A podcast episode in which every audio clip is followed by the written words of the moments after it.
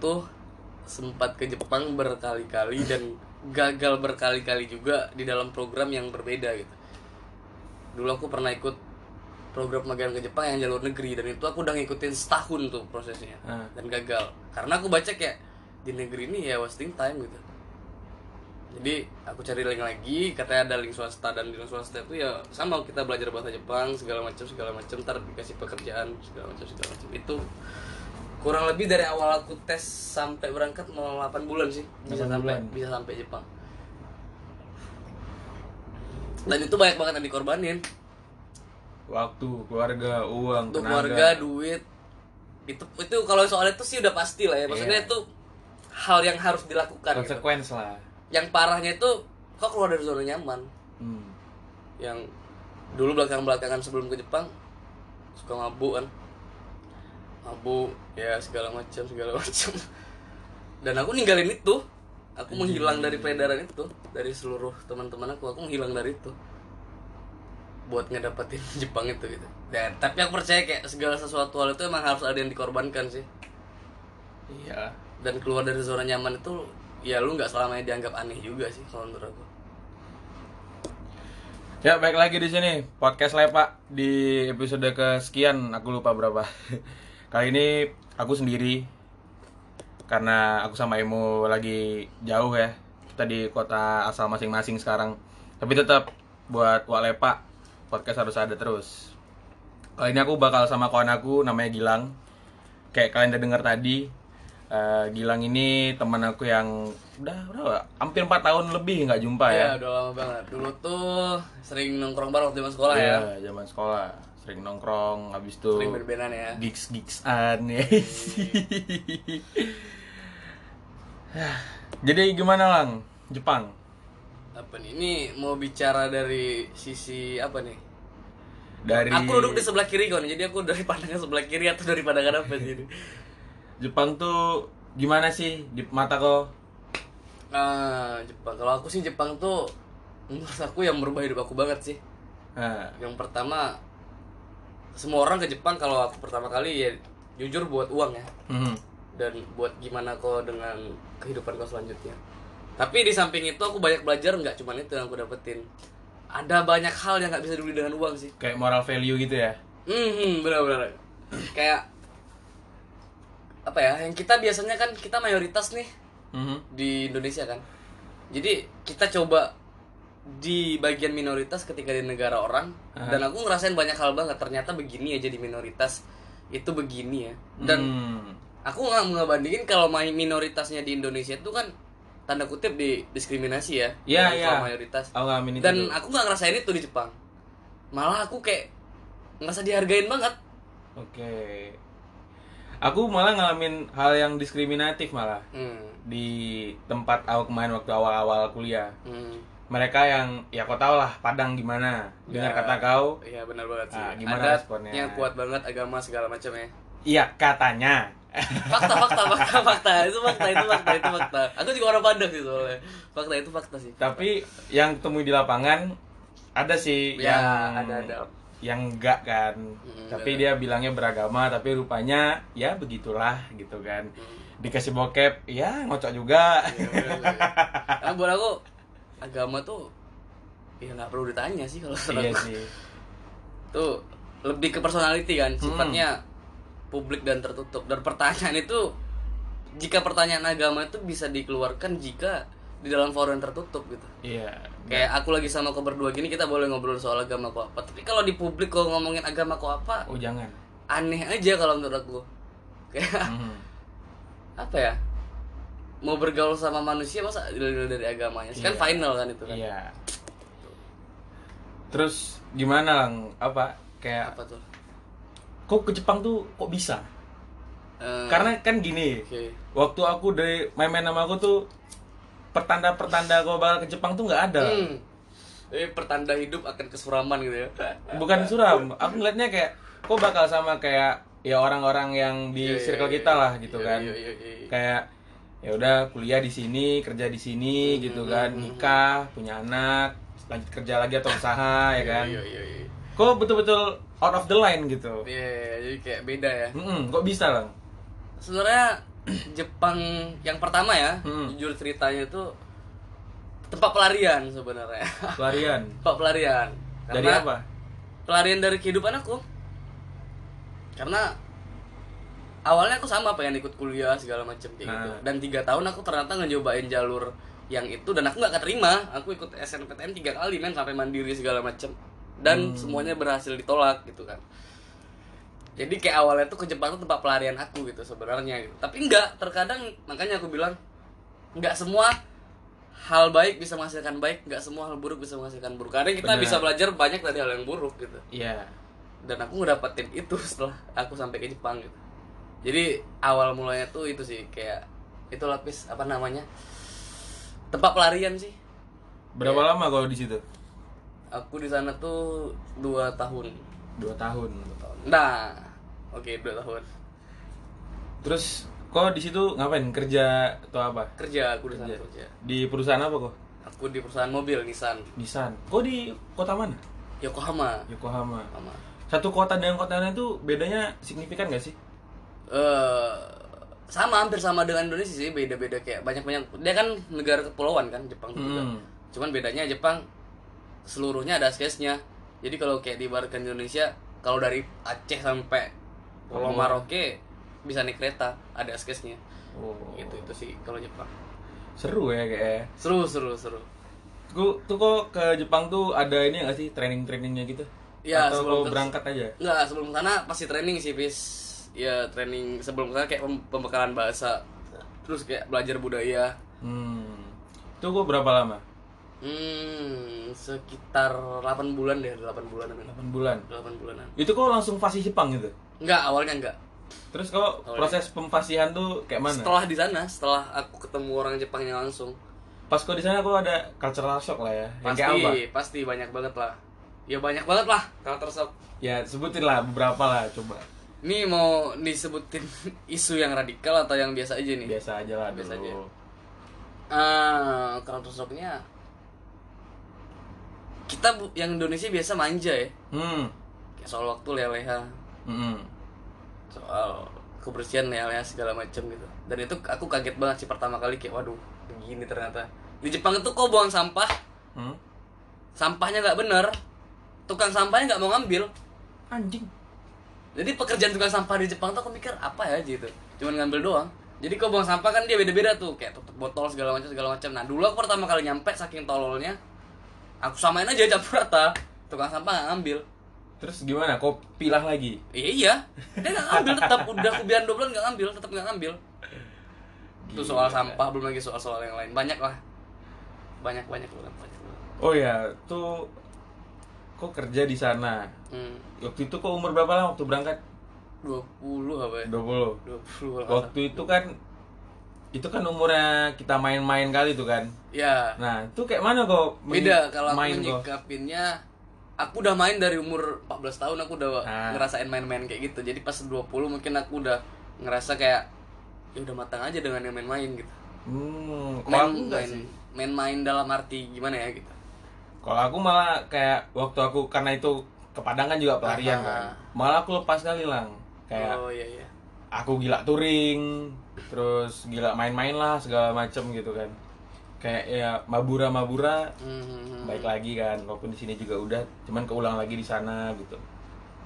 Nah mengenai mabura mabok kayak mana situ kalau Jepang mabuk tuh culture ya. Culture. Jadi kita nggak bisa pakai pandangan kita culture kita yang Indonesia ke culture Jepang. Hmm. itu nabrak soalnya kalau di Indonesia alkohol itu apa ya ya negatif ya kadang. Karena ada masuk unsur agama di sana segala macam. Macam. kalau di Jepang itu udah jadi culture. Jadi semua orang minum sake itu adalah culture Jepang. Ya gitu. Dan kita nggak bisa harus sama akan hal itu gitu. Waktu itu aku pernah nonton di Vice atau di mana gitu. Jadi Hmm.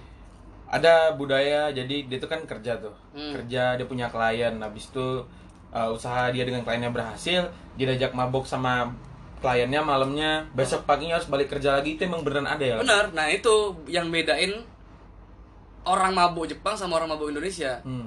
Orang normal Indonesia malah gila mungkin aku rasa di. Karena kalau mereka mabuk itu nggak ngeresuin orang. Itu Ya. yang pertama ya. Jadi kayak mabuk semabuk beratnya ya di kereta tetap jalan sendiri segala macam sendiri Walaupun sempoyongan. walaupun sempoyongan dan orang nggak bakal ngeganggu makanya Bakal- kalau ada orang tidur di kereta atau jalan tuh biasa aja kalau di Indonesia kan mabuk kita mandang orang aja itu Ah. langsung ngajak lagi kan Iya. dan kenapa sih gitu Nah, nah itu tuh kalau soal itu jadi orang Jepang itu sebenarnya mabuk itu dalam pengertian ya dia buat diri sendiri nggak ngeganggu orang lain gitu jadi lebih ke positif kan itu bakal yang nolongin nggak misalnya ada sempoyongan enggak enggak enggak enggak Sampai dia sadar sendiri. Sampai sadar sendiri. Lagi. Jadi aduh di sana tuh serba mandiri dari kecil sih peradabannya tuh anak-anak umur kayak kita empat tahun itu nggak pernah diantarin sama ibunya ke sekolah sih Hmm. kalau aku lihat jadi anak-anak kecil itu bawa tas gede naik kereta sendiri jalan kaki sendiri Anjing. karena emang udah culture sih Di sana dan kayak kau harus tahu kayak Jepang itu dulu sebelum jatuhnya bom Nagasaki Hiroshima itu Hmm. negara miskin kedua itu di Asia itu semenjak dia kalah perang kan. Ah. mereka bangkit akan itu. Diganti seluruhnya. Yang pertama dirombak ya pendidikan dan rumah sakit yang dibangun pertama kali mereka. Dan apa namanya pendidikan Jepang itu beda sama Indonesia. Mereka itu ketika umur lima tahun sampai jadi kayak kita kan dari kalau kita kan di Indonesia dari TK sampai SMA langsung apa namanya belajar gitu ya. Ya. belajar yang umum kayak matematik fisik segala macam segala macam. Nah kalau di Jepang nggak dari kelas 1 SD sampai 6 SD mereka nggak belajar itu Jadi- mereka belajar 6 tahun tuh full tentang kalau ngomong sama orang gimana buang sampah gimana kumur-kumur gimana Oh, ketemu skill orang ya. gimana jadi mereka nggak belajar matematik segala macam bla bla bla setelah jadi kayak karakter sih namanya Oh, karakter. Jepang. jadi mereka lebih belajar itu dulu selama enam tahunan gitu barulah mereka masuk ke pendidikan kalau kita kan Indonesia enggak kelas TK aja kita udah belajar tentang Tuhan, udah belajar tentang matematik dan kita dipaksa pintar semua kan. Iya. Ya itu gila kalau menurut aku gimana caranya, Cuk. Berarti emang di sana emang diajarin dari nol. Dari nol, dari nol, dari nol. Hmm, gitu. Iya sih. Aku mikirnya gini tadi kau bilang anak umur 4 tahun bawa tas gede Sendiri. naik naik MRT gitu. MRT sendiri, jalan kaki Anjing. dan gak diculik kan? Nah, itu tuh yang aku pikir tuh. Kalau Iya. keculik tuh gimana gitu? Enggak, orang karena kalau orang Jepang itu dia nggak kotor sih otaknya kalau menurut aku. Satu sih itu. Walaupun di situ pabrik bokep gede ya, tapi otak nggak kotor, nggak ada yang kayak pedofil anak kecil lagi jalan terus di ewek gitu ya. Enggak, aku rasa nggak ada lah yang kasus-kasus begitu di Jepang soalnya ya pandangan mereka beda sih akan hal itu. Gila, keren sih. lebih kalau aku nilainya orang Jepang itu satu sih dia nggak mau ganggu orang sih Hmm. Gitu Terus kenapa kau harus lari ke Jepang? Kenapa nggak?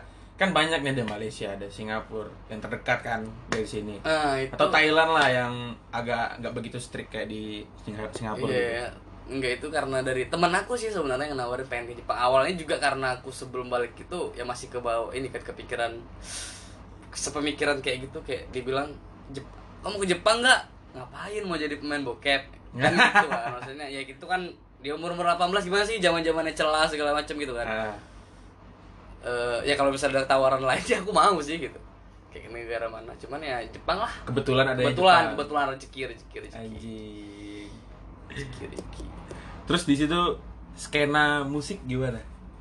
oh kalau bahas musik jangan apa ya Jepang itu nggak cuman keren di musik sih kalau menurut aku fashion pun dunia kiblatnya Jepang kan Iya.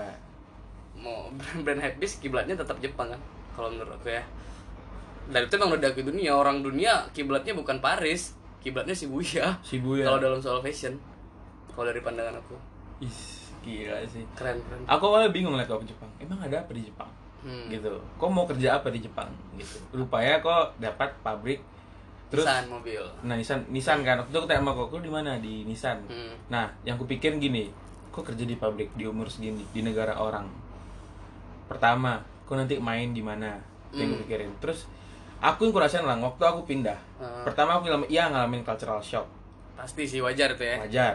Nah, kemudian yang aku pikirin main aku gimana gitu. hmm. Terus bermusik. Hmm.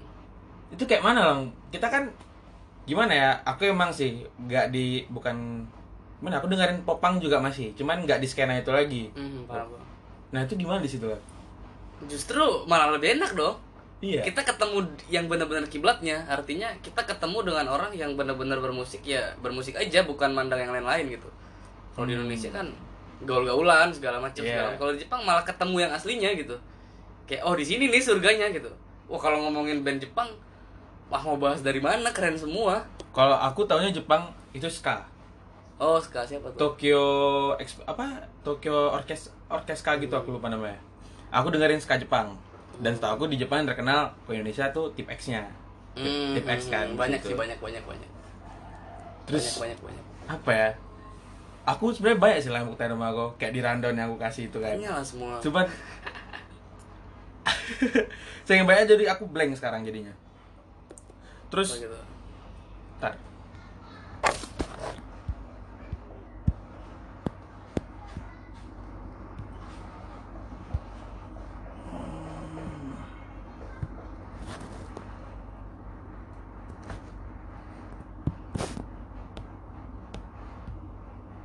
Tadi kan kau bilang kau di sana dua tahunan kan? Eh, Kok kau tahan? harusnya aku malah lima tahun di sana Lah, terus kenapa kau balik? nah itu orang nggak nyampe ceritanya ya Hmm. aku tuh di sana sebenarnya dipulangin dari perusahaan Kenapa?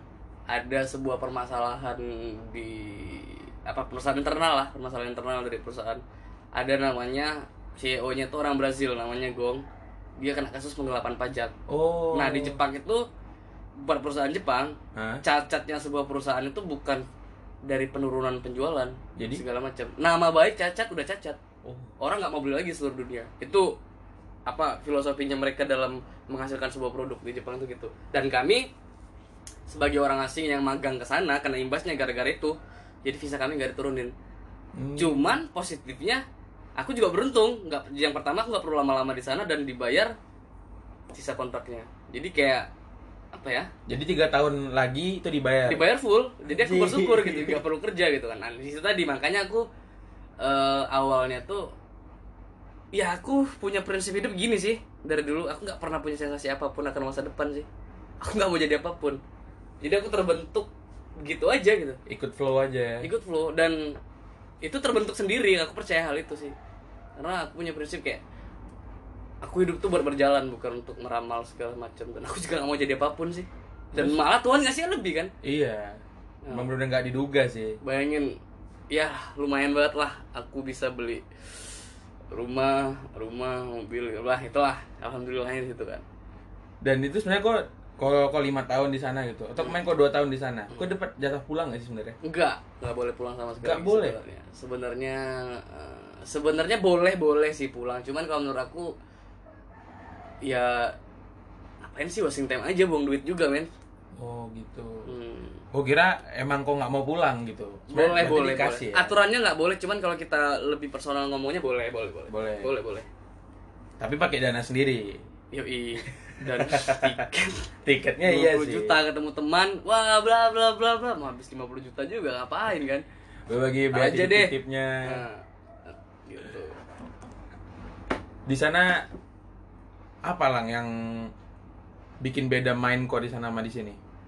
ya aku ngerasa lebih dihargai kalau di sana tuh yang pertama Hmm, dan juga ngerasa lebih bebas sih bebas. malah aku lebih bisa ngerti manusia di Jepang bukan di Indonesia Aku kemarin tuh malah jadi manusianya di Jepang terus kan kok ini pulang bulan kapan lang? aku September 2019 baru sih aku baru berapa bulan 6 bulan kali ya 6 bulanan. 6 bulanan. Ah.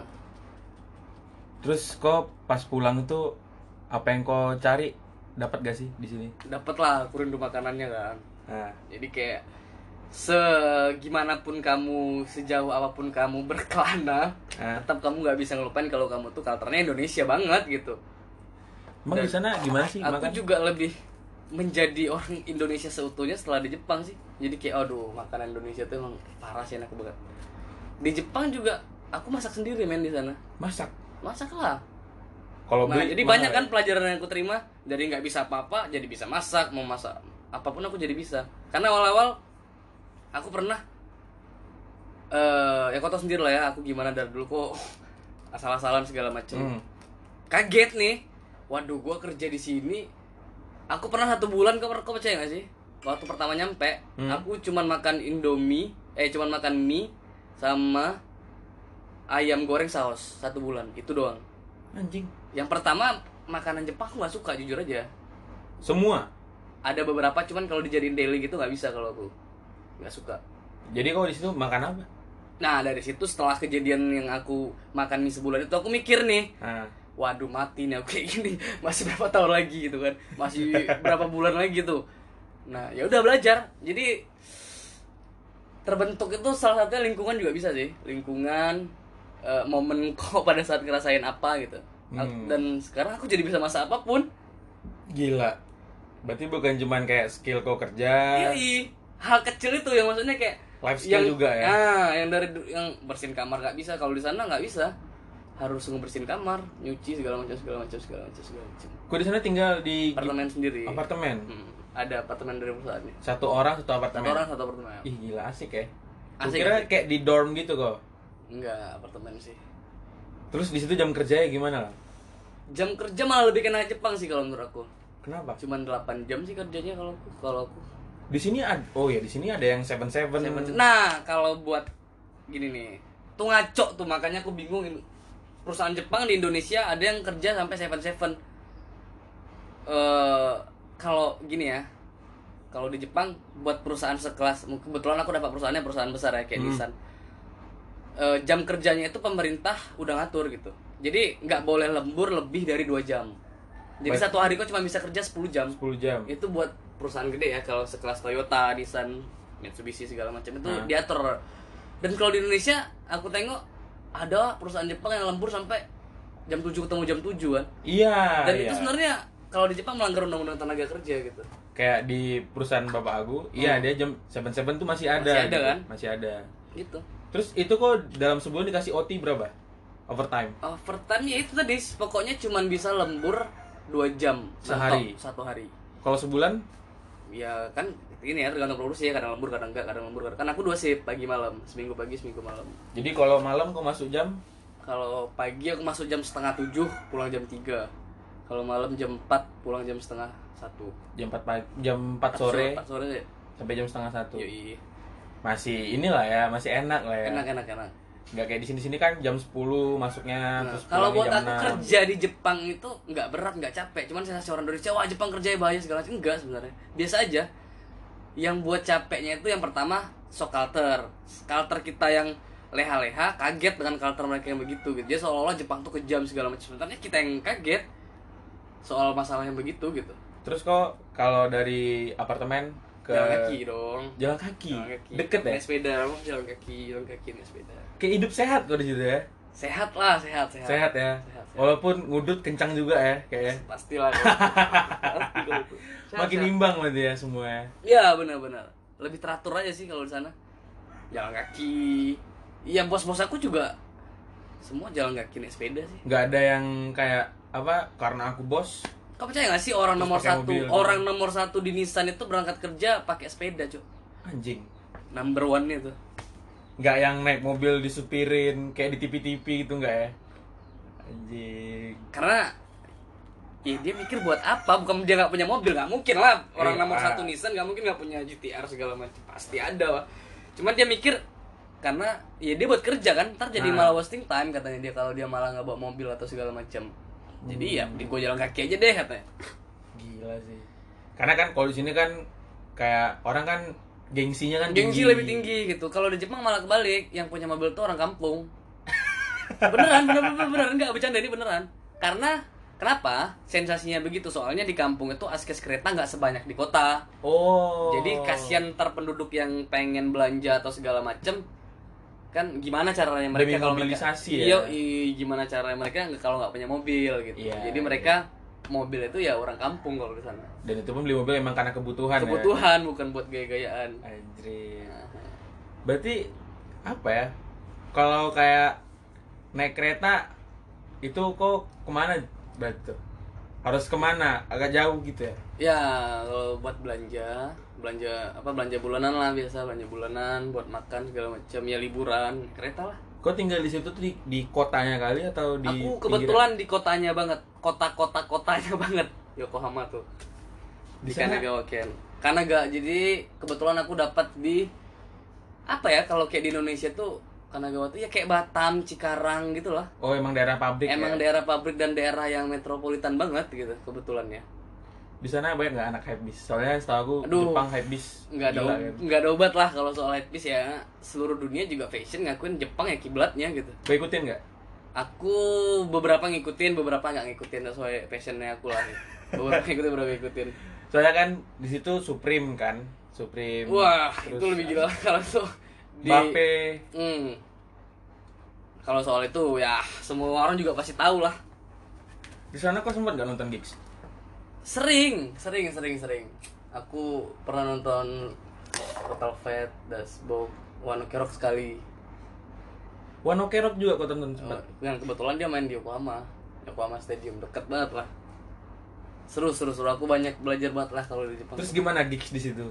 Beda sama di sini? Wah, kalau itu jauh banget masih ada nggak? Di situ orangnya Kalau- sensian nggak? Kayak di sini di sini kan enggak enggak mosing ikut mospit kena senggol marah berantem Enggak, enggak. gitu di nggak sana ada. tuh chill gitu. Mereka tuh bebas cuman chill gitu. Nggak kayak Anjing. kita.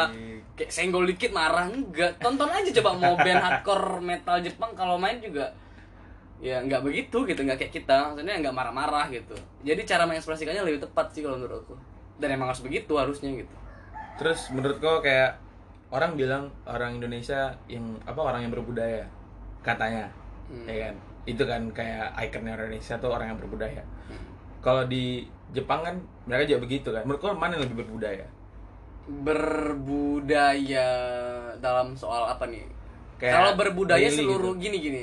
Konsep berbudaya itu bisa dibuktikan ketika aplikasinya itu benar-benar terjadi ya, hmm. faktualnya. Kalau seluruh orang pasti tahu Indonesia banyak ragam budaya dan segala macam. Tapi nggak diaplikasikan ngapain gitu nggak ada gunanya kalau menurut aku. berarti mereka lebih ngaplikasiin ya semua ya? Iya kalau di Jepang itu orang lebih penting pengaplikasian sih. Karena kayak kok punya pandangan bla bla bla bla bla tapi nggak ada aplikasinya ngapain gitu? Oh, nggak diterapkan gitu loh. Kalau kita kan di Indonesia itu cuman semacam jadi ya frasa gitu aja sih. Nggak boleh ini nggak tapi nggak nggak ada dibuktiin kok. Poster aja poster berarti aja ya. poster aja. Cuman satu hal lagi nih. Ah, orang Jepang itu sebenarnya lebih Islam dibandingkan kita kalau menurut. Kenapa? Ya mereka nggak punya Tuhan tuh tapi ajaran Islam yang sesungguhnya itu di Jepang. Ada. Kayak budaya tepat waktu. Kita kan diajarin di Islam soal itu. Iya karena Jangan dari lupa Arab sholat. dari Arab kan bilang waktu adalah pedang. Itu terus jangan tinggalkan sholat. Terus soal kebersihan kan di Islam diajarin kebersihan adalah sebagian dari iman. Hmm. mereka pakai itu kan walaupun mereka nggak Islam. Hmm. kita Indonesia yang mayoritas Muslim nggak pakai itu. Jadi aku rasa gagal aja gitu faktanya kalau menurut aku ya pandangan aku. Jadi Hmm. kayak apa kita banyak Tuhan tapi hidupnya berantakan. Sedangkan mereka nggak ada Tuhan tapi bisa teratur gitu. Bayangin kalau Jepang Muslim. Waduh nggak ada obat wah lebih bagus sih. Berarti Bayangin kalau Jepang aku ke sini Muslim. ngaret nih pak lah gue ya. Biasa sih kalau Biasa. ya kalau biasa sih kalau ngaret karena apa ya karena karena kayak bapak aku yang udah biasa perusahaan Jepang Hmm. dan sempet ke sana beberapa kayak tiga bulan tuh berapa bulan Oh, bapak di mana? bapak aku di Epson kebetulan oh maksudnya aku lupa sih kalau Epsonnya daerahnya di mana kalau di situ cuma katanya dekat sama gunung hmm.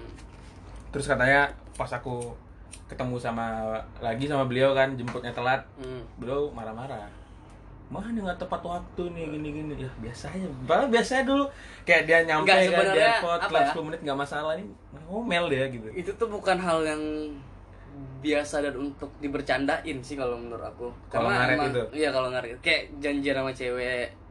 Kalau di Jepang kok janjian wah kalau soal karakter itu juga keren sih menurut aku. Di Jepang nggak ada budaya jemput-jemput cewek ke rumah. Nggak ada budaya bayarin cewek. Cowok duluan nggak ada bayarin cewek nggak ada dan nggak ada jam. Jadi kalau misalnya mau ketemu kita jalan ke makan ramen misalnya. Ah. ya udah ketemu stasiun mana jam berapa udah gitu. Terus Oh. pulang sendiri makan bayar sendiri. Jumpa tengah berarti ya? Jumpa tengah dan mereka nggak mau dibayarin. Kalau kok nggak bayarin cewek Jepang pada Hah? saat PDKT mereka malah marah. Oh gitu. Mereka kayak ngerasa dihargain nggak ngerasa dihargain. Kayak kamu hari ini kenapa? Aku ulang tahun atau kamu ada ngapain atau dia malah nanya gitu malah dia aneh malah dia risih. Dia nggak nyaman pada saat first PDKT ya cewek Jepang tuh nggak mau dibayarin. Nah kok sempet gak PDKT sama cewek Jepang? Beberapa kali sih. Beberapa kali beberapa kali. Cewek Jepang tuh nggak mau gitu. Sama sekali nggak mau mereka. Dibayarin nggak mau anti banget. Nggak kayak di sini ya? Ya Kalau di sini ada yang ditungguin, cuman kan? ada plus minusnya lah. Kita sebagai pria Indonesia tuh emang seharusnya untuk membayarkan apa namanya membayarkan wanita itu udah karakternya kita. Jadi kayak Iya. apa ya ter- kalau menurut aku ya terus sih begitu sebagai pria Indonesia emang seharusnya ya begitu gitu Terus yang kayak keseharian kok yang nggak bisa kau lakuin di sini, eh dilakuin di sana sama di sini tuh apa? Hmm, enggak sih kalau menurut aku kalau Ada nggak? karena aku orangnya enjoy ya. Nah. Jadi di mana pun aku bisa jadi apa pun dan bisa nyaman hidup di mana pun sih kalau menurut aku. Kau Jadi- butuh berapa lama untuk adapt di situ? Oh, Enggak lama sih aku karena dari dulu aku orangnya gampang deket sama orang, gampang beradaptasi sih. Hmm. Enggak terlalu lama banget sih. Di sana orang Indonesia banyak nggak? Banyak lah, banyak banget. Kayak di sekitar kau tinggal banyak. Hmm, Jadi kayak nggak begitu susah sama untuk interact sama orang. eh, banyak banget. Justru aku di sana jarang main sama orang Indonesia malah. Mainnya sama orang-orang situ. Orang Jepang, orang Rusia, orang Jerman. Jepang ada nggak sih yang jamet? Atau lele? Pandangan sih kalau menurut aku kalau soal itu pandangan. Ada juga sih beberapa Jepang yang aneh gitu. Ada ada. Ada, Ada. Banyak nggak? ada banyak juga, banyak juga. Mereka aneh-aneh ngapain lang? Iya tingkahnya lebih aneh dibandingkan ini kalau lebih aneh dibandingkan kita sih kalau soal jamet-jamet yang begitu ya. Tapi mereka di sana kerennya perbedaannya itu bukan dijadikan sebuah diskriminasi, perbedaannya itu malah jadi keren aja gitu. Nambah warna ya. Nambah warna gitu. Karena kalau hidup semuanya sama ngapain hidup kan? Karena kan kalau di sini kan kayak misalkan kita lihat dulu kan zaman zamannya Batu Haji City, ya nggak? Oh iya iya iya. Standing iya. standing. Terus kalau ada yang lain sendiri, ah lek-lek lah, lepak Ya, lah gitu kan. itu yang pertama ini sih kalau soal itu proses pendewasaan sih. Ketika kau umur 23 kau akan paham sih akan hal-hal yang begitu. Kau Hmm. nggak bakal bercandain lagi kan. Jadi kayak walaupun kita gemes ngomentari ya, apa sih lu tapi lu pasti kalau lebih ngontrol kayak ya udahlah emang begitu gitu. Aku sekarang jadi lebih kayak gitu. Kayak ada orang gitu. Ya ya udah gitu emang Mereka nggak julid ya. Enggak sih, julid tapi julidnya tuh enggak di apa ya? Enggak di publik gitu. Jadi kayak lebih ke cerita ke temannya. Misalnya aku kesel banget lihat dia kayak begini, dia cerita ke Oh. temannya. Bukan dia ngelakuin atau segala hal apa gitu. Beda beda beda. Itu sih bedanya kalau di Jepang. Kalau menurut aku ya. Terus yang kau deketin itu anak-anak sekolah, SMA gitu. Teman kerja sih ada teman kerja. Teman kerja. Teman kerja, teman kerja sih. Soalnya kan setahu anak sekolah sana lucu-lucu kan. Hmm, lucu-lucu banget lah. Lucu-lucu. Teman teman kerja sih lebih enak dideketin. Gila, ini ini kok ngerokok kok? Ini kan bulan puasa lang. Eh, aku nggak serius beragama. Agama itu bukan untuk diseriusin sih kalau menurut aku. Jadi, agama itu ajarannya yang diseriusin, agama jangan diseriusin. gitu guys. Di sana tuh apa yang kayak apa yang bisa kita ambil positifnya lang? Banyak sih kalau menurut aku soal itu, soal budayanya, soal kehidupannya mereka, cara kerjanya mereka, gimana mereka ketemu sama orang. Hmm, Satu hal ini bodoh yang keren, apa? cewek Jepang itu Hah? misalnya dalam menolak menolak laki-laki dia pun pakai adab. Gimana? nggak langsung kayak kita kalau kita kan biasanya kayak kalau nggak suka si ceweknya nggak nggak dia nggak tertarik nih sama cowok itu. Kalau di Indonesia pasti langsung ngebilangin aku nggak mau sama kamu atau segala. Kalau di Jepang dia selalu cari cara kayak misalnya kita eh, aku ajak makan Haruna malam minggu makan yuk pasti dia nolaknya tuh nggak eh, apa namanya nggak langsung gitu. Jadi dia nolaknya kayak aduh sebenarnya tuh aku tuh pengen makan bareng kamu. Oh halus. tapi ya aku hari ini ada janji lain kata dia. Jadi selalu menolaknya tuh dengan cara jadi agar supaya orang yang ini nggak merasa tersakiti gitu. Iya iya. selalu begitu. Kau ajak kencan kedua kali dia nolak juga pasti langsung bilang gitu. Aduh kemarin gara-gara kamu nanya itu aku jadi pengen sih sebenarnya pengen banget makan bareng kamu.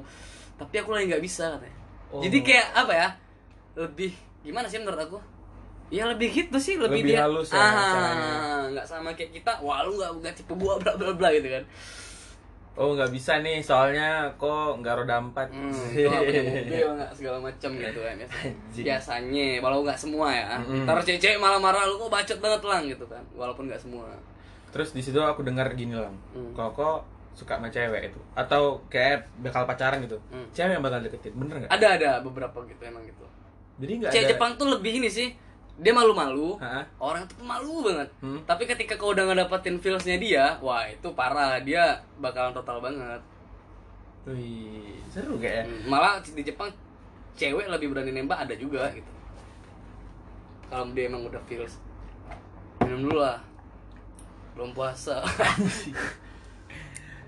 Karena gini, aku sempat denger kayak kalau kita mau PDKT gitu, Hmm. biar cewek yang deketin duluan. Karena cewek situ tuh kayak bukan nggak ada malunya, cuman kalau emang suka ya udah Iya. dilantak gitu kan. Hmm, tapi tadi kayak aku bilang dia tuh pemalu banget cuman kalau feelsnya udah dapat sama kau ya dia nggak malu untuk gimanain dirinya dia gitu gitu kalau cewek Jepang Cara ngetrit orang Jepang yang bener gimana lah? Iya ya jujur ngomong apa adanya belak belakan dan bacot sih Bacotin tuh aja. bacot itu salah satu hal terpenting ketika kau PDKT sama cewek Jepang gitu jadi cewek Jepang tuh suka digombalin gitu kayak Suka. Yoi, misalnya kayak kalau kita di Indonesia kan PDT, PDKT bilang "Eh, hari ini cuacanya cerah banget. Terus karena cuacanya cerah jadi kayak aku ngeliat kamu tuh di langit tuh kayak indah banget. Ah. Kalau di Indonesia gitu dibilang, "Weh, kok ngapain anjing?" gitu kan pasti. Gitu. iya, iya. Kalau di Jepang ceweknya langsung kayak, "Hah?" langsung kayak gitu. Hmm. Nah, di situ menangnya orang Indonesia di Jepang. Orang Indonesia itu banyak yang laku gara-gara jago bacot. Dan Oh. untuk nyampein bacot itu ya kau harus jago bahasa Jepang kan. Terus kau pernah nggak kunjung ke itu ke industri bokepnya? Karena itu kan katanya hits sekali. Enggak, enggak terlalu ini sih enggak. Hmm, pernah, enggak pernah. Cuma Nggak pernah. ngelihat ngelihat gitu ya biasa karena kayak majalah bokep segala macam dijual di Indomaret kan. Iya. Alkohol dijual di Indomaret, Sex toy. sex toy, Sempat beli kok kan? ganja juga. di beberapa Ganja juga? ada gitu, di beberapa di beberapa ada. Ya maksudnya di sana tuh bebas cuman enggak ini sih apa enggak enggak inilah enggak merugikan orang. But kalau di sana ganja kan udah digunain buat ini kan buat Ah, iya, rek- rekreasi iya, berarti kan. Ada Tapi dengan dosis tertentu dijual ya. Hmm, hmm. Lebih chill sih kalau di situ tuh apa-apa chill gitu. Karena yang aku tahu yang kayak ngasih legal ganja buat rekreasi itu cuman Amerika kayak di California Banyak sih, banyak, sama banyak. Belanda setahu aku. banyak banyak banyak banyak banget Thailand juga sekarang udah nyoba buat media Iya. segala macam segala macam Thailand juga di sana apa sih lang kayak warga negara mana yang paling banyak selain apa? Brazil ya aku Brazil. baca aku baca koran Jepang terakhir terbanyak itu Brazil sih populasinya Brazil Vietnam Indonesia nomor tiga kalau nggak salah tiga tiga dan kebanyakan orang-orang luar gitu kesempatan kerjanya sama nggak sama kayak yang WNI eh, apa kayak warga negaranya? Di Jepang itu mereka butuh butuh tenaga kerja sih kalau menurut aku. Kalau enggak ngapain mereka ngerekrut orang asing kan? Karena Hmm. gini di Jepang itu buat jurusan-jurusan tertentu kayak teknik mesin teknik apa teknik apa hmm? orang Jepang sendiri itu nggak mau. Nggak mau? Maksudnya orang Jepang itu eh, anak-anak mudanya nggak Hmm. seneng dengan yang teknik-teknik itu. Anak-anak muda itu seneng dengan passion musik atau enggak dengan robot anime gitu-gitu. Jadi apa namanya kesempatan orang asing itu lebih banyak di sana gara-gara nggak ngebutuhin itu orangnya gitu. Berarti kesempatan kerja kita dan jenjang karir kita bakal Bagus- besar ya besar gitu ya? banget. Karena orang Jepang nggak mau nggak mau di teknik kalau menurut aku ya. Nggak mau di teknik. Mereka tuh passionnya nggak di situ jadi mereka kebanyakan makanya mereka ngerekrut dari yang lain. Jadi kebanyakan yang muda-muda tuh kayak youtuber Nah, kalau kayak- enggak anime, kalau enggak yang pokoknya jurusan-jurusan yang kita rasa aneh di sana di situ banyak pemuda Jepang yang pakai sih. apa sih di kayak hal aneh. Ya, banyak kok yang kayak paling aneh paling aneh? Ya, kayak anime, kayak fashion segala macam segala macam gitu. itu aneh di pandangan kau Kalau menurut aku aneh karena kita kan di Indonesia kan sensasinya beda kan akan hal-hal begitu. ya hal lucu apa yang paling kau ingat waktu kau di Jepang Wih, banyak banget lah hal-hal culture yang pertama kali datang naik kereta neng orang ciuman di pinggir jalan, neng orang ciuman di samping aku. Awal-awal aku ngerasa kayak wah anjing ini apa sih Apa, gitu. mau- Tapi lama-lama biasa aja. Di Jepang tuh kalau ciuman pinggir jalan orang juga nggak bakal marah. Udah biasa aja. karena aku pernah lihat kayak gitu tapi di Singapura itu aku lihat di Orchard Ah, ya biasa Awalnya- aja, biasa aja. awalnya aku risih lah karena menurut aku itu immoral kan awalnya kalau aku lihat. Cuman kalau menurut aku balik lagi itu kan nggak ganggu aku. Ah. ganggu yang secara apa kayak kontak langsung ngeganggu kan enggak jadi ya udah gitu Benar, dibiarin benar. aja. Menurut kau bisa nggak sih kita kayak Jepang? Enggak. enggak Kalau di dalam hal itu enggak. kalau hal Dan lain? janganlah kalau menurut aku janganlah. hal lain? Hal lain seharusnya kita potensi lebih besar untuk jadi negara besar sebesar Jepang kalau menurut aku. Gila sih kayak apa ya? Pertama aku nggak pernah ngira kau bakal ke Jepang. Semua Kayak orang semua waktu itu, semua orang nggak bakal ngira lah aku cuman main-main segala gitulah zaman sekolah tuh. Kira aku bakal kayak ya udah sama gitu. Gitu gitu ya. Nggak. yang beda tuh kalau aku lihat kayak siapa ya awalnya. Adalah. Nah jangan sebut lah ya. salah disebut orangnya ini bakal beda nih pathnya gitu karena dia Ah, ah, orangnya begini begitu gitu. Karena aku jujur lah waktu aku pulang Hmm. Aku dapat kabar kan eh si ini udah nikah sini ini sini itu gitu. Tapi aku nggak ada dengar nama yang nyebut nama kok. Eh, aku jumpa yang setongkrongan kan nggak ada yang nyebut nama kok gitu. makanya aku ya udah aku concern aja liatin story kok oh kok di sini rupanya gitu. Terus lihat foto-foto kok di twitter gitu kan.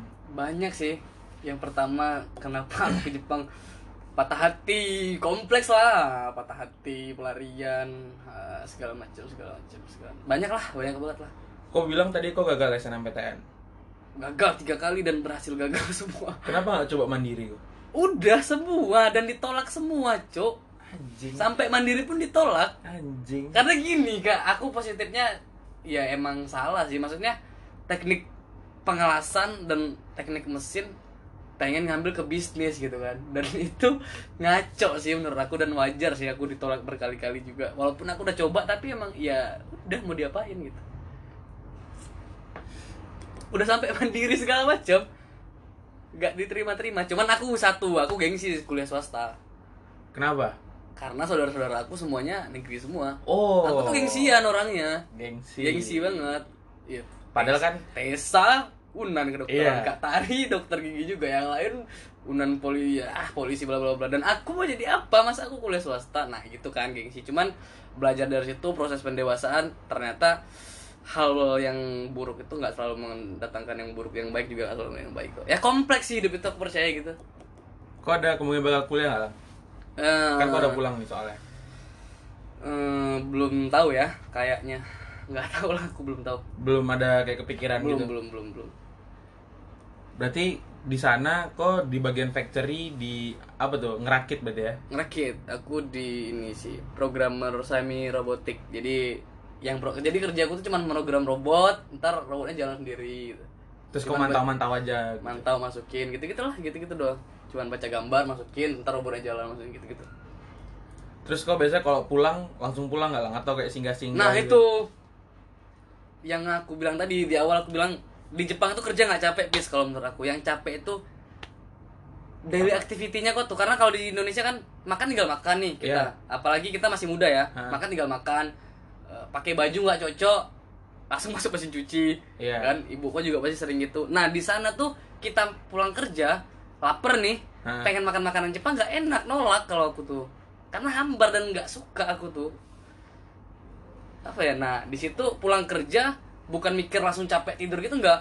Jadi wah pulang kerja gue mau makan nih. Ya belanja dulu naik kereta belanja ayam daging masak dulu. Nah itu yang capek sebenarnya. Kalau kerjanya nggak capek sama sekali enjoy. Yang capek itu tuh balik kerja kok harus mikirin buat masak mikirin buat besok bersihin apartemen nyuci baju. House chores berarti. Wah itu yang buat aku agak-agak gimana gitu awal-awal. Tapi lama-lama biasa aja. Terus kok pulang kok kangen nggak kegiatan-kegiatan kayak gitu? Kangen sih kangen kangen kangen kangen banget lah. Apa yang paling kau kangenin? Ya soal itu lebih aware ke lingkungan. Lebih apa ya? Ya lebih teratur sih aku di sana. Di sini juga udah teratur sih sebenarnya aku juga. Kalau kau dikasih kesempatan balik lagi kau mau ngapain lah? Harusnya aku kemarin mau balik lagi ke sana. Nah. buat kerja lagi. Cuman aku kerja ke sana balik cuman kerja dua minggu doang. Oh. Jadi dua minggu di sana dua, dua minggu kerja di Jepang ntar balik Indo lagi ntar masuk lagi gitu gitu gitu gitu kenapa nggak kau ambil udah aku udah nggak visa dan harusnya aku udah berangkat April kemarin. Cuman gara-gara corona, Corona. kan jadi ditunda dulu gitu. Ya udah gitu. Kemarin tuh ada anak di kosan aku dia tuh ikut training gitu kan. Dia kerja di pabrik ayam. Oh di jadi Jepang. iya di Jepang. Dia ngupasin ayam sama kulitnya sama tulangnya. Hmm. jadi nanti buat kayak pabrik nugget kali ya. Ah, katanya juga gitu dia aturannya berangkat eh, awal April. Tanggal 4 nggak salah aku oh, sebenarnya ke Jepang tuh banyak Jadi. jalan sih. Banyak mau kerja banyak jalan sih. Mau kerja yang apa namanya lebih gila juga ada mau kerja yang nggak gila juga. Teman aku banyak teman aku banyak. Ada yang ada yang kerja gila ada yang kerja nggak gila. Teman aku ada sekarang dia udah enam tahun di sana nggak pulang-pulang. Jadi dia ilegal sih kaburan gitu. Oh, Parah itu sih dia. incaran imigrasi dong. iya incarnya juga sih cuman ya negatifnya dia ngelanggar peraturan cuman positifnya aku ngargain dia laki-laki kan. Hmm. Maksudnya ya biarin gue di sini enam tahun susah-susah ntar gue balik. Woi sekarang udah gila. Dia kerja di mesin judi tuh. Anjing. buat buat mesin judi kerjanya dia. Dia sebulan gaji mau 40 juta. Anjing. dia ngajak aku ayo kerja. Aduh aku bilang aku tak bisa wah kayak gitu aku bilang itu apa ya? Ya pilihannya dia sih. Maksudnya aku nggak ngakimin dia salah dua dalam beberapa hal. Ada salahnya dia cuman ada minus ada plus minus kan dia Hmm. lebih total kan dia kayak dari kehidupannya dia. Banyak jalan lah di Jepang itu. Banyak di, banyak. di Jepang jumpa Yakuza apa? Hmm, ada teman aku ada ada Dia Yakuza. Atau Tem- dia tem- temannya temannya Yakuza? temannya temannya Gimana Yakuza di situ sih? Emang semenyeramkan kayak di film-film apa gimana? Yang pertama yang harus orang ganti pandangannya Yakuza itu targetnya bukan lu gitu Targetnya ngapain target lu terus-terus asing gembel kayak kita gini gitu Targetnya tuh ya pemerintah yang apa bertolak belakang dengan justice atau enggak ya bandar-bandar bos yang besar-besar maksudnya ma- mafia di Jepang itu kelasnya tuh bukan kelas-kelas kayak kita lah gitu targetnya tuh ya bukan lu gitu. Kukira dia kayak kayak preman-preman. gak preman cuman nggak preman nggak preman kampung gitu. Kelasnya tuh nggak kelas begitu gitu. Dan mereka membuat kriminal juga kriminalnya nggak kriminal kayak apa apa namanya maling ayam baca orang enggak lah. Dia langsung bobol bank misalnya. Anjing. langsung ya gitu. Sering gak jumpain kasus-kasus besar kayak Woi gitu? banyak banyak banyak banyak. Di Jepang itu banyak lah kasus di Jepang itu tingkat bunuh diri juga keras banget ya Hmm. per detik di Tokyo orang meninggal mau 80 orang tuh Nah, per berarti karena itu orang banyak kekurangan apa factory kekurangan orang berarti ya mungkin. itu juga salah satu cuman apa ya kau harus catat di seluar biasanya Jepang Mhm. di dalam membangun sebuah pemerintahannya dia dan culture-nya dia Mhm. ada kurangnya dia Apa tuh? ya unsur kemanusiaan nggak ada di situ kalau menurut aku kayak jadi kau tuh apa ya ya bekerja tuh total gitu kayak nggak enjoy gitu loh kalau menurut aku. Nah ada maksudnya lebih bagusan Indonesia sih di dalam hal yang begini gitu. Makanya orang Jepang itu banyak yang bunuh diri segala macam segala macam segala macam gitu. Dia dia tuh lebih ke malu sih budaya malu budaya malu. Jadi kayak sesuatu kau dikasih kepercayaan Hah? buat mengerjakan ini dan kau gagal Mhm. mereka bakal bunuh diri langsung gitu. Padahal sebenarnya dia punya kesempatan memperbaiki kesalahan. Nah dia. orang Jepang nggak percayakan hal itu. Artinya kalau lu udah dikasih kepercayaan lu harus gunain semaksimal mungkin. berarti nggak ada kesempatan kedua di Jepang. Enggak. Kalau ada pun ya buat mereka susah untuk menerima hal itu. Jadi budaya malu itu udah ditanamkan dari lahir. Cuman plus minus kan dari seluar biasanya itu. Nah ini juga nih Apa? di kereta Hmm. nenek-nenek berdiri eh, anak muda duduk. Di Jepang biasa tuh. Loh, bukannya nggak boleh ya? Hmm, itu karakternya mereka gitu karena siapa yang datang duluan kan? Oh. Kalau di gitu. Indonesia kan kita mikir, aduh udah tua, udah tua duduk. Kalau orang Jepang di apa namanya? Ya apa ya? Malu aja kadang si nenek ini kalau disuruh duduk gitu. Karena dia nolak. Aku sempat nawarin beberapa kali di nenek-nenek. Dia udah umur berapa ya? Bawa belanjaan Udah bungku. udah bungkus segala macem. Jadi aku duduk depan dia. Hah? Pas aku berdiri, dia bilang, "Ah, nggak usah, jauh, udah jauh," katanya. Nggak usah, nggak usah, nggak usah. Aku bentar lagi turun katanya. Jadi kayak gitu mereka tuh di situ. Jadi itu kita pandang dari culture-nya dia itu biasa aja gitu. Tapi kalau kita dari pandang dari culture kita agak aneh gitu. Karena kalau aku tuh ke Singapura beberapa kali di MRT emang disediain tempat duduk buat si orang tua atau orang Iya, sakit. kalau kan. itu juga ada. Cuman kan di Jepang itu semua orang pakainya kendaraannya kereta. kereta gitu. Jadi padat pasti selalu padat. Apalagi di daerahku di Tokyo. Wah, rame banget nabrak-nabrak segala macam Di gitu. rush hour apalagi Wah, ya. parah banget, parah banget. Dan itulah yang aku ngerasa untuk mengomentari juga, waduh kok gini sih Jepang. Tapi emang begitu culture-nya mereka. Nenek-nenek, pokoknya siapa yang datang duluan gitu loh. Hmm. Jadi kau dengan kau memberikan sebuah tempat duduk ke nenek itu kau nggak akan di reward juga. Oke. Biasa kayak di aja. ya. Nggak kayak di sini kayak wah, berarti anaknya enggak. Itu kalau di sana. Kayak kayak di sini, di sini gitu aja mungkin bisa jadi viral. Iya, iya, Ya kan? mungkin ya, mungkin, mungkin. Di sana gempa kan banyak nih, setahu. Gempa pastilah banyak banget. Sering. Di tempat aku hampir sering sih dan biasa aja. Gitu. Hmm, Di Padang juga sih, kayak sering gempa, Sering, cuman nggak sering. sering itu. sering. Karena Kan negara kepulauan juga kan. Jar karena setahu kayak aku dari bapak aku hampir bisa jadi tiap hari gempa bisa jadi. sering bisa jadi. Di sana kok gimana menyesuaikan dengan cuaca situ empat musim? Oh awalnya ya kalau musim panas kepanasan, musim dingin kedinginan banget. Emang panas itu berapa derajat? Wadah itu gila, aku tau gak sih aku pernah aku pernah itu musim panas itu puasa tuh. Hah? Aku balik selangkangan aku luka cuk. Anjing? Ini lucu nih? Kok bisa lah? Ya i berapa ya?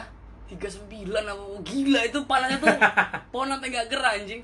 Gak ada angin? Gak ada angin. Jadi aku izin ke bos aku. Jadi kan kalau di sana kami ada penerjemahnya juga kan. Maksudnya Ah. ada orang yang ngurusin kami di situ orang Indonesia yang ngurusin kami di situ tentang dokumen segala macam, translator segala macam segala macam. Nah, jadi untuk izin pulang itu harus panggil orang Indonesia nya dulu. Jadi ada namanya dulu Karatna, Karatna eh, orang Sunda dia. Eh Padang Sunda sih kakak itu. Nah, dia aku pernah izin pulang gara-gara selangkangan aku luka. Baru kan datang kan kakaknya, baru "Ke- kenapa lah katanya? Aku mau pulang kak, bilangin nama bosnya. Kenapa? Bilangin selangkangan aku luka. Hah? Gimana gue terjemahinnya? Kayak, bilang aja kata aku bilang aja bos tuh ngerti sama aku. Jadi sambil ketawa-ketawa karena bayangin coba cewek ngomong ke bos aku yang cowok gitu kan Ah. bilangin kalau selangkangannya luka ya bos aku ketawa kan nah udah udah pulang pulang pulang gak apa apa hati-hati ya katanya udah gitu panas banget parah cok Berarti kok ada kurtap tap lah ya? Tau kurtap tap gak? parah apa Kau tuh? apa tuh Kurok tapi-tapi enggak enggak aku itu nggak ada tapi emang itu panas banget panas banget cuy. Jadi kayak kan kerja pakai ini kan apa? Pakai werpak gitu kan. Nah, jadi kesat gitu bolak balik bolak balik wah gila. kelangkangan aku luka kak aku bilang. Baru bos aku ketawa ya udah ya udah apa apa berarti apa nih Lang yang bisa kita ambil dari dari si Jepang ini Lang? ya ini sih kalau aku. Yang pertama untuk nggak ngurus hidup orang Hmm? dan coba biasain aja gitu sama sosial medianya orang sama kehidupan pribadinya orang ganti pandangan kita deh kayak ya walaupun kita ada suka nggak suka ya hidup tuh Ah. emang begitu kan manusiawi kan Iya. cuman kayak untuk lebih mengontrol kayak ya itu haknya dia hak asasinya dia untuk menggunakan apa pun sih kalau menurut aku Hmm, berarti ya udah urusin aja hidup sendiri ya. hidup sendiri gitu nggak walaupun kita tetap ada ban apa ya nggak bisa hidup sendiri ya manusia itu cuman kayak jangan pernah mencampuri ranah yang bukan Ranahnya. kapasitasnya kamu gitu contohnya kayak ya masa kok tanya apa sih agamanya dia mamanya gimana ngapain kan Hmm. yang gitu gitu gitu gitulah gitu biasa aja gitu dengan perbedaan itu perbedaan itu karena emang selalu ada bis Iya. karena kan kita di Indonesia kan apa ya perbedaan itu malah dijadiin bahan lelucon gitu kan Iya. segala macam segala macam ya oke di bahan lelucon tapi yang penting orangnya nggak ngerasa karakternya terbunuh gitu Hmm. tapi banyak orang malah dibully malah terbunuh karakternya kan Iya. itu tuh begitulah soalnya Di sana berarti kok sempat ngalamin nggak apa ngalamin puasa. Raya di situ gimana, Lang? wah itu parah cuk susah kami kami harus ke Tokyo dulu buat sholat Jumat aja harus ke Tokyo dulu Hah, Naik ke Tokyo? dulu. iya karena di tempat aku ada masjid di, di yang ada masjid tuh di daerah Tokyo Itu di dari jarak kota ke, ke Tokyo berapa? 30 menit lah Oh, berarti aman lah ya. 40 menit 30 menit ya kalau mau sholat Idul Fitri ya gitu ke sana 40 menit Di sana vibes raya pasti sama aja kayak daily da- daily Ah, vibes ya. kerja cuy kadang aku juga waktu itu tahun pertama kerja tahun kedua baru bisa dapat cuti gitu lah susah Gila susah ya. Berarti emang berat ya kayak tinggal di situ ya. hmm berat sih enggak sih enjoy enjoy enjoy kalau aku karena balik basicnya kayak aku ke sini ya buat nyari duit kan buat Hmm. nyari akan masa depan aku dan segala macam gitu jadi paket lengkap tuh aku dapatin duit dapat pengalaman gitu Ini ilmu ilmu nih ilmu yang nggak bisa juga. dibeli bukan ilmu tentang belajar apa namanya Cari duit. belajar tentang ilmu yang udah dikurikulumin sama universitas segala macam ilmu yang nggak bisa dibeli itu kayak itu kalau ketemu orang Mhm.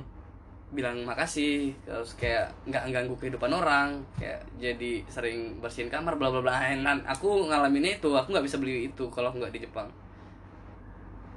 Terus kalau menurut kau 0 sampai 10 berapa seru ya tinggal di Jepang?